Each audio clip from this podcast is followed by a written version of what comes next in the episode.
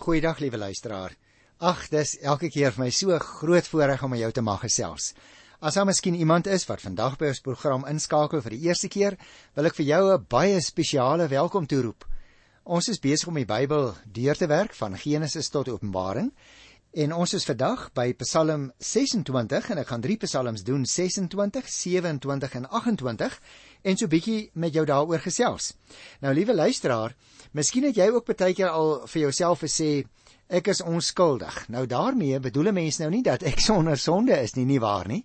Maar 'n mens bedoel dat aan sekere dinge ek my eenvoudig nie waag nie. Ek los dit omdat ek glo die Here verwag dit nie van my nie. En daarom as ons Psalm 26 lees, dit is 'n baie interessante Psalm, want as 'n mens dit aanvanklik lees, dan lyk dit amper asof hierdie ou wil sê ek doen nooit sonde nie en ek struikel nooit nie. Maar dis nie wat hy sê nie. Kom ons gesels oor hierdie Psalm. Ek begin dadelik by die eerste 3 versies. Dis 'n Psalm van Dawid. Laat reg aan my geskied, Here, want ek is onskuldig. Ek het op die Here vertrou en nie getwyfel nie. Nou wil ek amper vir jou sê daar lê die sleutel hoor. Ek het op die Here vertrou en nie getwyfel nie. Toets my, Here, keur my, ondersoek my deur en deur. Ek laat my deur u liefde lei en ek lewe deur u trou.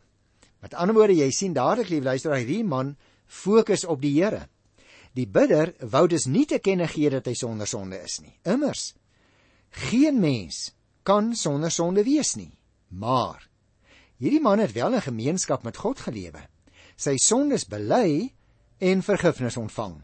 Hy pleit dus dat die Here die vals beskuldigings wat deur sy vyande gemaak is, verkeerd moes bewys. Die bidder is immers onskuldig aan baie van die dinge wat hom toegeslinger word. Nou as mense nou kom by die volgende versies hier vers 4 tot by vers 8, dan gaan ek so 'n bietjie meer oor die detail gesels want jy sien die bidder bevestig in die volgende verse sy onskuld. Hy is nie regtig skuldig aan gemeenskap met die vyande, die goddeloses nie. Hy is immers aan die gemeente en die Here verbind. En daarom hierdie eerste klompie verse lyk dit of hy onskuldig is en asof hy wil voorgee hy het nog nooit sonde gedoen nie.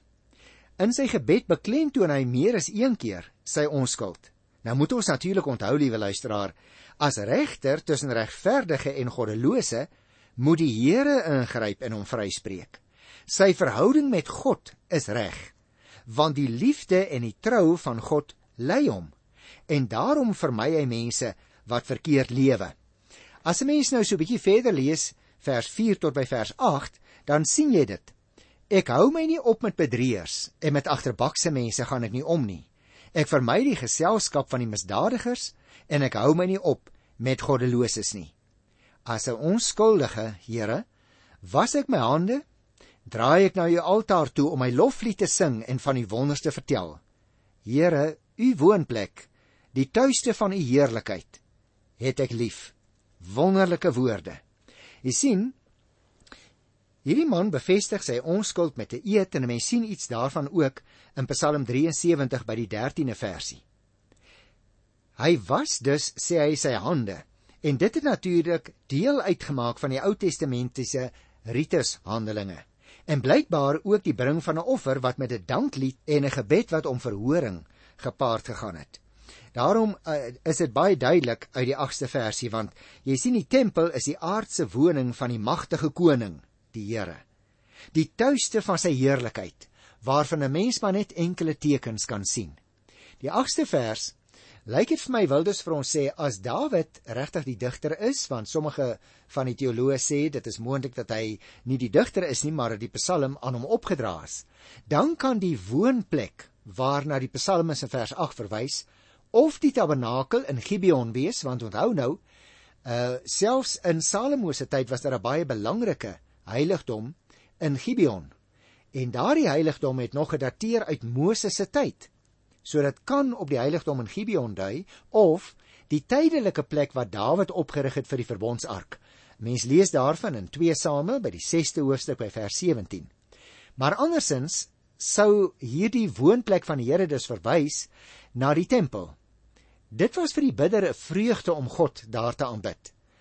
Ons moet ook daarna streef, liewe luisteraar, om die Here met soveel oorgawe en vreugde te aanbid.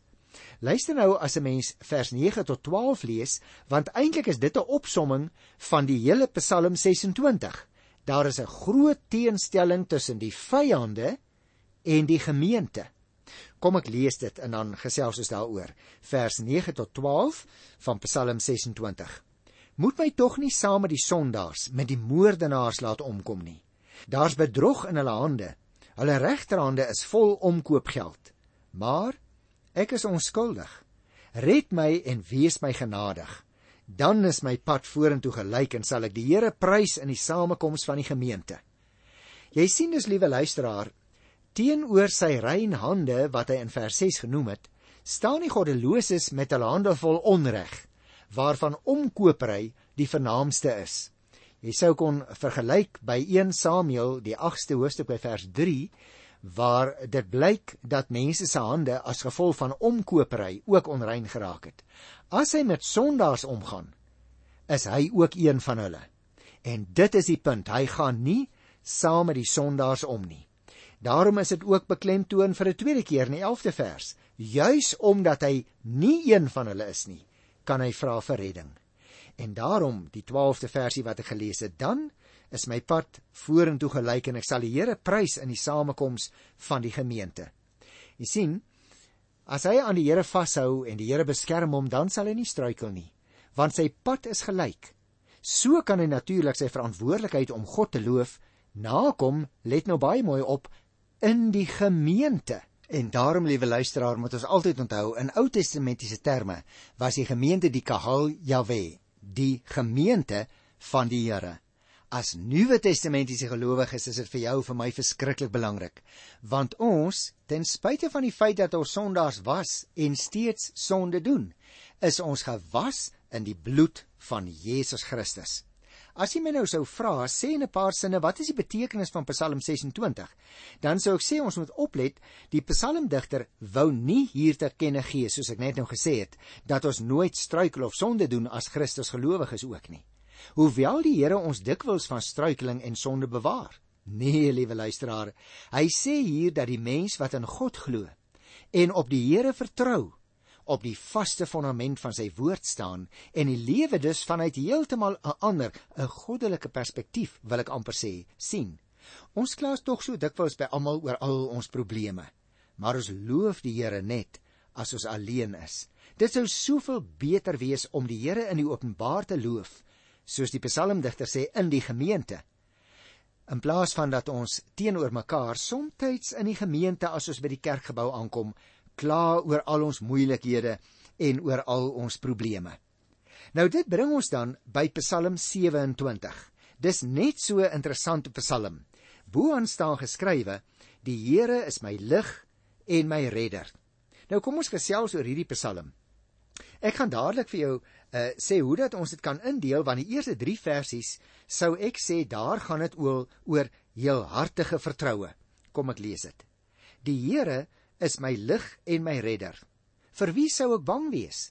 Die Here is my toevlug. Vir wie sou ek vrees? As misdadigers op my afstorm om my dood te maak, my teenstanders en my vyande, dan is dit juis hulle wat struikel en val. Al sou 'n leer teen my stelling inneem, sal ek nie bang wees nie. Selfs as hy die aanval op my begin, sal ek nog steeds vertroue hê. Jy sien 'n mens kry dieselfde gedagte hier, liewe luisteraar selfs al sou 'n leer teen my aanstorm. Nou ek dink as 'n mens nou hieroor gesels, dan is dit belangrik om op te merk dat in hierdie eerste klompie verse daar gehandel word oor die bidder se vertroue in die Here. Dat die Here hom teen sy vyande sal beskerm soos vers 2 en 3 sê en terwyl hy in die tempel waarvoor hy lief is by die Here skuil vers 4 tot 6. Dis my interessant sy belydenis wat 'n mens in die eerste versie lees. Die Here is my lig sê hy in die heel eerste vers en dit dui natuurlik op die feit dat sy lewe veilig is in die hand van die Here. Ons moet altyd onthou as ek nou weer so 'n bietjie na die agtergrond van die Ou Testament mag verwys, in die Ou Testament is lig natuurlik 'n simbool van die lewe en donkerte rondom 'n mens is altyd 'n teken van gevaar en selfs van die dood. Nou sê hy dat hy by die Here nie bang is nie. Dit laat my dadelik dink op Psalm 23 wat is so 'n program of 2 gelede behandel het, né? Vers 23 daar by vers 4b dat hy sê hy is nie bang nie. Hy sal nie bang wees nie want die Here lei hom ons. Ons moet ook onthou die beeld van 'n leer hier in vers 2 en 3 kan maar op hom afstorm sê hy. Waar die bidder dus voor sy vyande uit moes vlug na die tempel toe, was sy verlange op die tempel gerig. Daar kan hy veilig skuil by die Here. Maar let op in die 4de vers. Sy verlange na die tempel is nie net tydens die oomblik van gevaar nie. Dis sy hele lewensverlange en hy sal alles in sy vermoë doen om altyd in die huis van die Here te mag woon. Kom duidelik na vore in vers 4 nie waar nie. In die tempel ondervind die gelowige op 'n baie besondere manier die goedheid van die Here. Hy sien die wat hom daar dien. Ons kry dieselfde gedagte in Eksodus 20 vers 24. En aan hulle gee die Here dan wat hulle nodig het.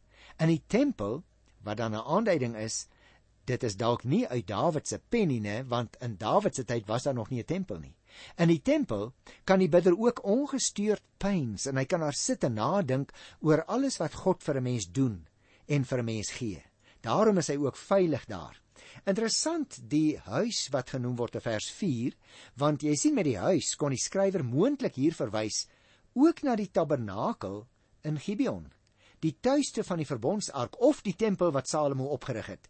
Daarom het ek vir jou gesê, dit is nie heeltemal seker dui die gedagte van die huis hier op die ou tabernakel wat dan uit die vroeëre geskiedenis nog gekom het saam met die volk tot by Gibeon of moontlik dan in die tempel. Maar uh, dit is nie vir ons presies duidelik nie.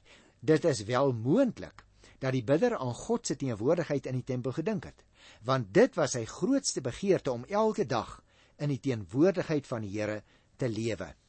Interessant ook die 5de versie. Luister mooi. Op die dag van gevaar sal die Here my wegsteek in sy huis, my veilig laat skuil in sy woonplek, my hoog op 'n rots laat staan.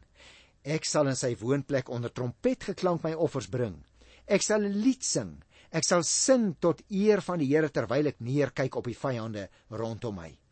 Die rots dus van die 5de vers kan moontlik dui letterlik op 'n groot dorsvloer klip. Jy sal onthou ons uh, lees iets daarvan in 2 Samuel 24 van die 18de vers of. Nou soms was daarop ook 'n altaar gebou.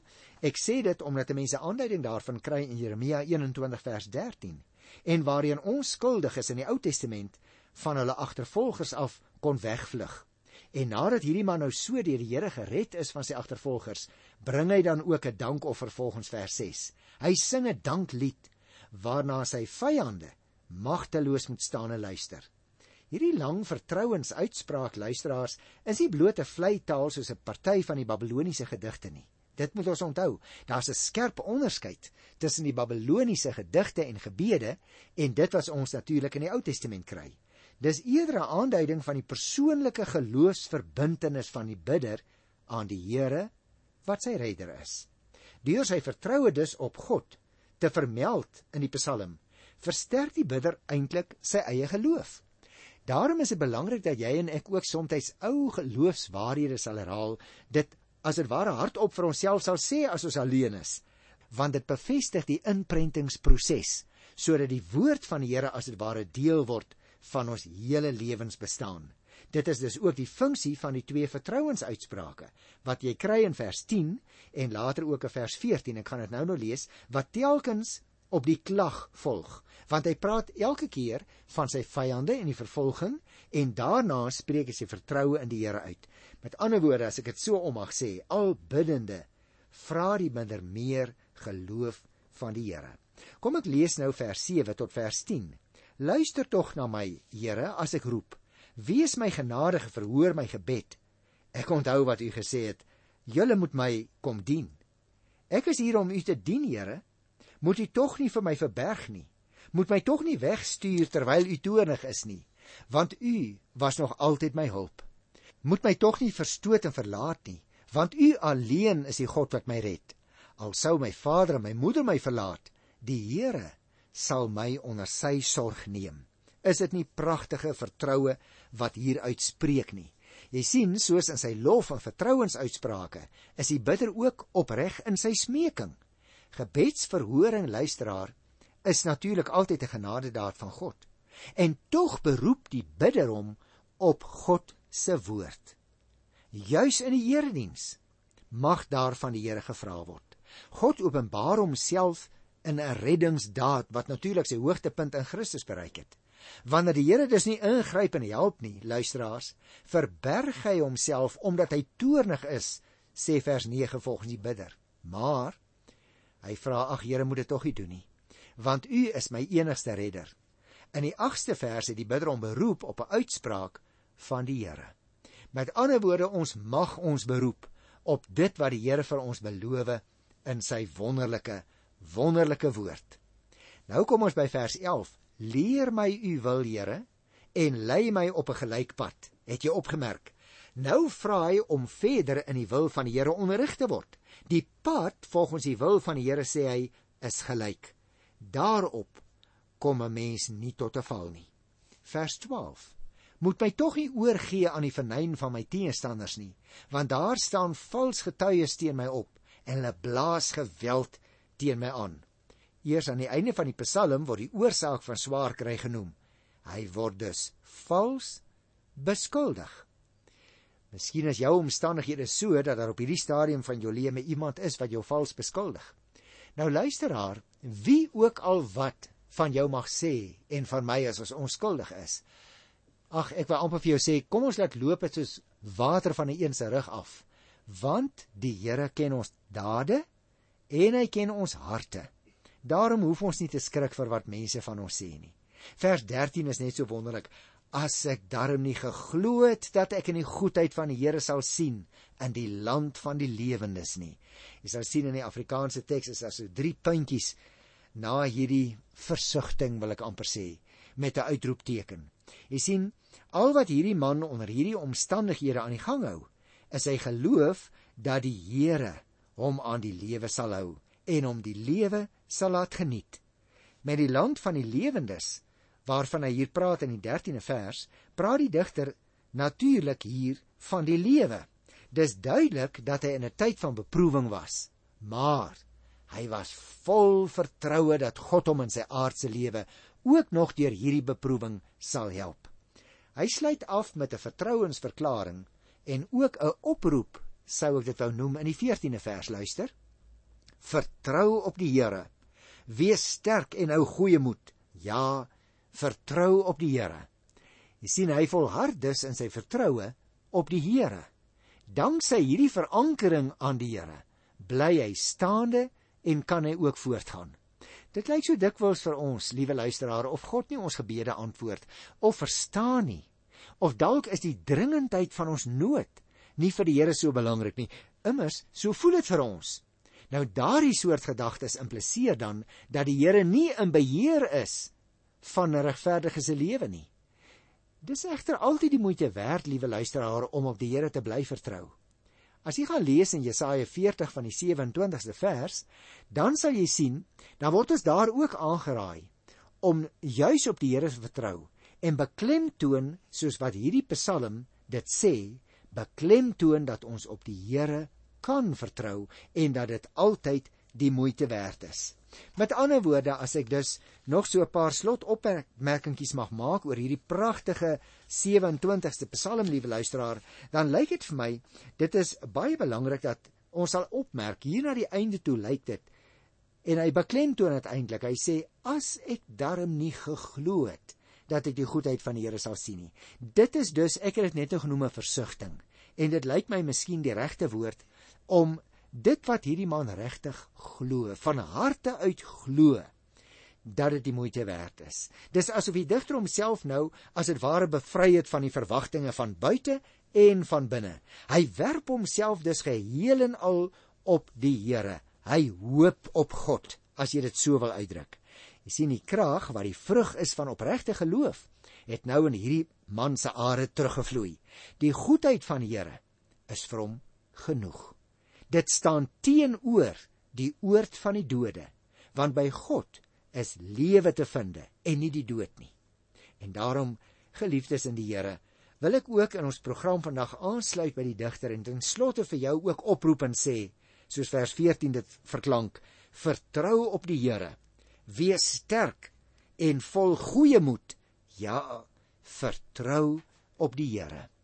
En dit bring my dan by die 28ste Psalm. En dit is ook 'n kort Psalm, maar ek wil dit baie graag met jou behandel. As jy my sou vra waaroor gaan dit hier? Die opskrif is aan die Here kom die lof toe. Maar jy sien Psalm 28 is ook 'n baie goeie voorbeeld van 'n dankpsalm. Ek het al met jou gesels oor 'n dankpsalm, nie waar nie? God het gehoor en nou loof die bidder in Psalm 28 die Here en hy vertel ook aan ander mense van die mag van die Here.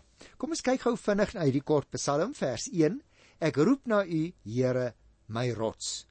Moet tog nie doof wees vir my nie. As U bly swyg, sal ek wees soos 'n sterwende. Ag is 'n pragtige metafoor, né?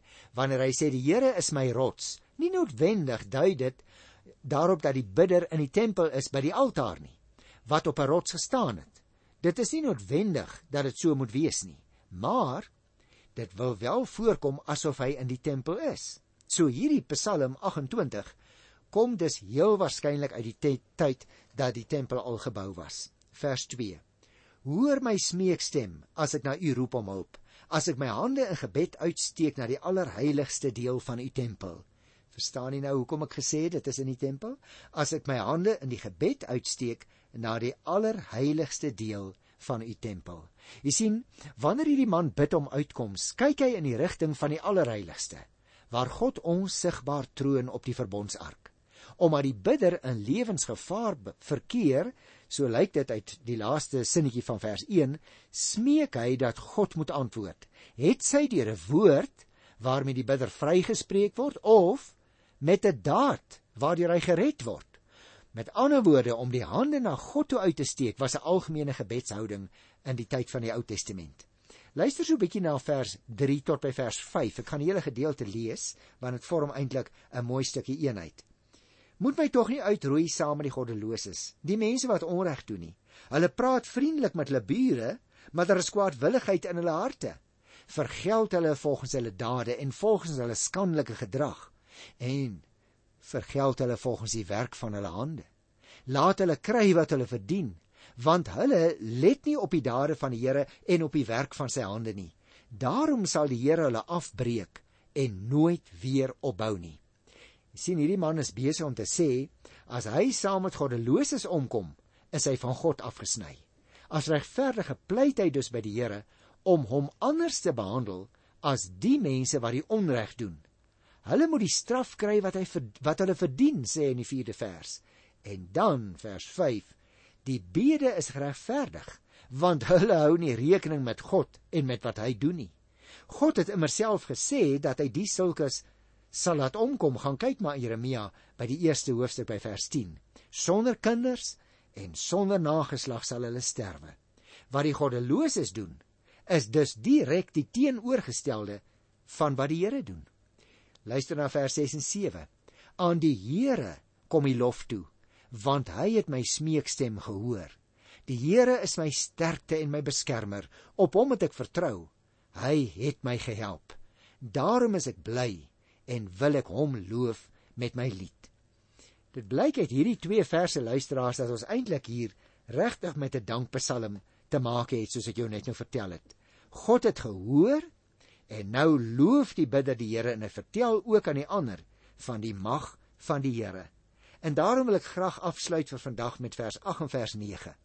Die Here is 'n sterkte vir sy volk, 'n veilige beskutting vir sy gesalfde. Red u volk en seën die wat aan u behoort. Wees vir hulle herder en sorg vir hulle. sien luisteraar dat die mens nie alleen in hierdie wêreld is nie. Blyk juis uit vers 8 en vers 9. Hy is 'n lid van 'n groep, 'n gemeenskap, 'n geloofsgemeenskap. En daarom is die bidder verbind aan hierdie geloofsgemeenskap van die Here en daarom kan hy die vertroue uitspreek dat die Here vir hulle sorg wat in die lyding van sy mense verantwoordelikheid moet dra. Want jy en ek as deel van sy geloofsgemeenskap is die gesalfdes van die Here. In kort, wat is die boodskap van Psalm 28? O, liewe luisteraar, ons is nie as gelowiges alleen in hierdie wêreld nie, hoor. Ons is lede van 'n groep, 'n geloofsgemeenskap en hierdie bidder is verbind aan die gemeenskap, die volk van die Here en daarom spreek hy die vertroue uit dat die Here vir diegene sal sorg wat in die lyding wat die Here openbaar aan hierdie geloofsgemeenskap verantwoordelikheid moet dra. Hy bid dus nie net vir homself nie, maar ook vir sy medegelowiges wat saam met hom aan die Here behoort, want die Here sorg vir die gelowiges. Ek groet jou in sy wonderlike naam onder sy wonderlike sorg. Tot volgende keer. Tot dan. Totsiens.